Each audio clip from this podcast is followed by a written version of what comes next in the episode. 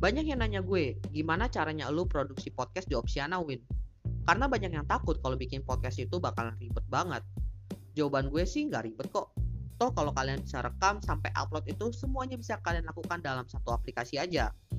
Gue pakai Anchor di sini, di mana gue bisa ngebuat podcast itu kurang dari 10 menit aja. Kalau kalian nggak percaya, langsung aja kalian cobain bikin podcast kalian sendiri dengan Anchor. Sebelum podcast ini rilis ternyata ada beberapa update terbaru nih. Jadi gua tambahin di akhir podcast. Jadi dengerin sampai akhir ya.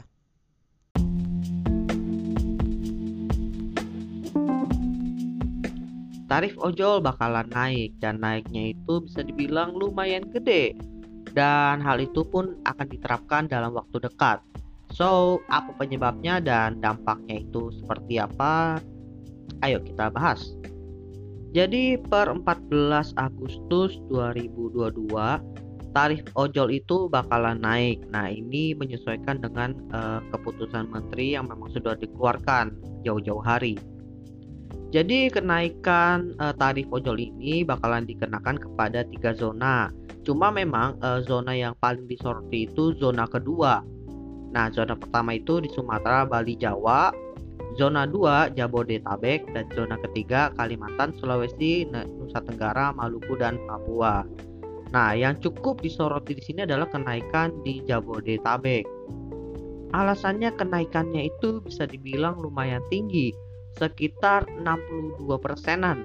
Dan kalau dibandingin sama inflasi tahunan yang kisarannya itu rata-rata 4 persenan, ya untuk tahun ini sih memang agak tinggi ya sekitar 6 persenan ini lumayan jauh loh bedanya.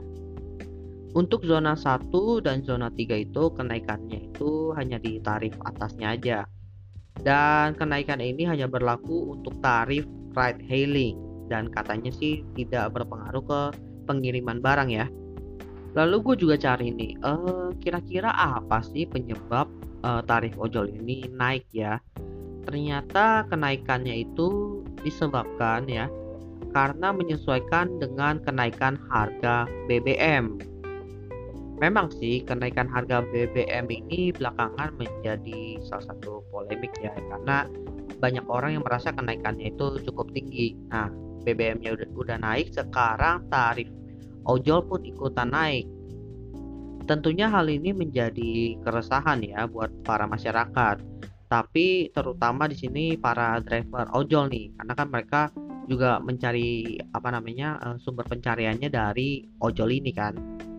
Kekhawatiran yang digarisbawahi oleh para driver ini adalah tentunya mereka itu takut kehilangan pelanggan.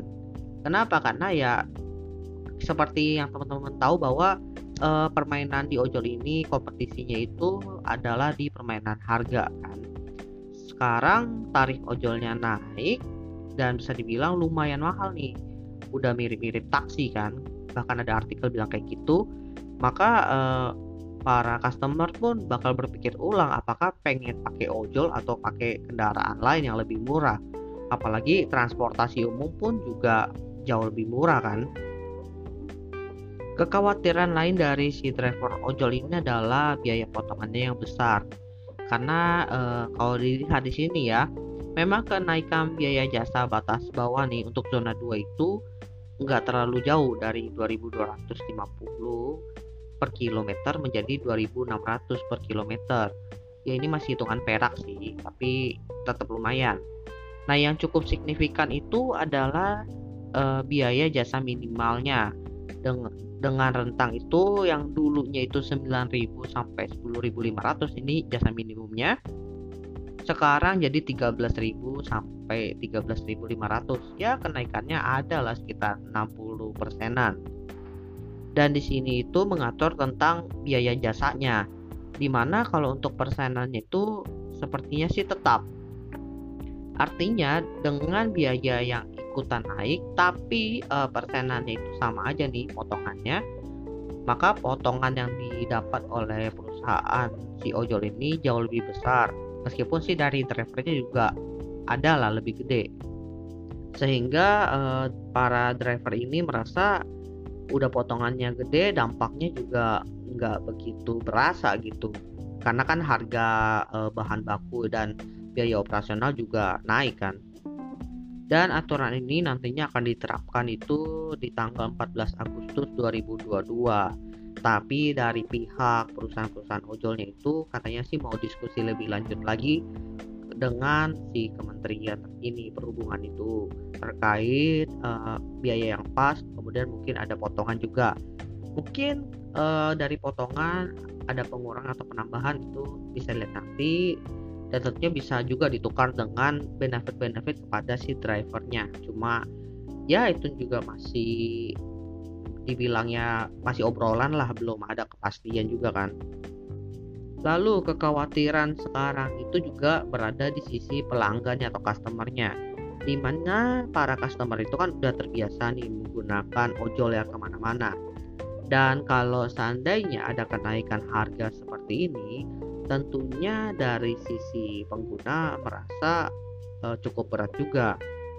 Karena ada kenaikan biaya juga gitu loh apalagi buat teman-teman yang sering ngebudgeting gitu artinya budget untuk transportasi itu bertambah dong.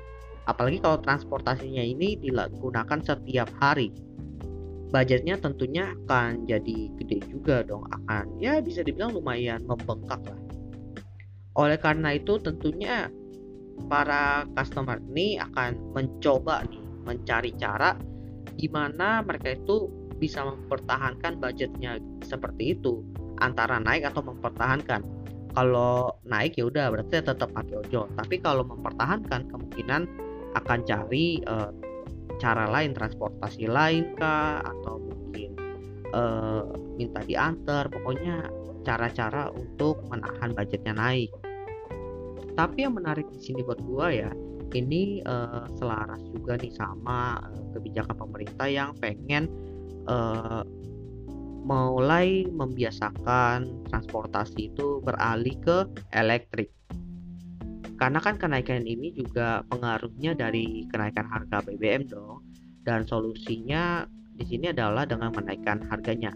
Tapi kalau seandainya uh, kendaraannya itu udah berubah menjadi kendaraan listrik, artinya kan sudah tidak terpengaruh nih kepada uh, BBM kan apakah nanti bakalan ada penyesuaian lagi? Apakah nanti akan turun ke harganya? Nah ini menarik juga gitu. Karena gue juga sering sih ngobrol sama driver-driver yang udah pakai apa namanya eh, kendaraan listrik ini di mana mereka bilang memang dari perusahaannya itu udah mulai mengarahkan nih para drivernya buat pakai kendaraan listrik buat uh, belilah. Sebenarnya sih masih sewa sih belum sampai beli hak milik itu dan itu pun udah ada uh, dukungan dari pemerintah juga. Bahkan ada benefit-benefit lain kalau seandainya driver itu pindah ke kendaraan listrik. Mungkin ini salah satu uh, cara juga ya untuk mengakselerasi nih perpindahan ke arah kendaraan listrik tersebut. Ya udah naikin aja BBM nanti kan orang cari yang lebih murah yaitu kendaraan listrik. Seperti itu by the way emang agak keren sih mau uh, kendaraan listrik ini. Mungkin akan gue bahas di episode lain. So stay tune aja. Oke okay, gue rasa itu aja pengen gue bahas kali ini. Thank you buat teman-teman yang sudah mendengarkan. Hari ini pertanggal 15 Agustus 2022 ternyata eh, kenaikan tarif ojol itu katanya dibatalin, bukan dibatalin benar-benar nggak naik gitu, lebih tepatnya diundur dan katanya sih pengen dipakai nih waktu yang ada untuk sosialisasi ke driver dan masyarakat. Jadi ada kemungkinan besar setelah sosialisasi itu nanti ada perubahan menyesuaikan keinginan dari masyarakat dan driver. Karena ya seperti yang gue bahas di awal tadi itu ternyata memang banyak masalahnya kalau langsung naik begitu aja. Semoga dengan uh, tenggang waktu sosialisasi ini bisa dimanfaatkan untuk menerima aspirasi-aspirasi dari para driver juga ya. Karena ya ini menyangkut kesejahteraan hidup mereka juga. Jadi ya gue mendukung uh, keputusan ini diundur dulu, lalu sosialisasi dan mungkin ada diskusi dulu dengan para driver, perusahaan ojolnya dan juga masyarakat konsumennya. Ya, ditunggulah kabar baiknya.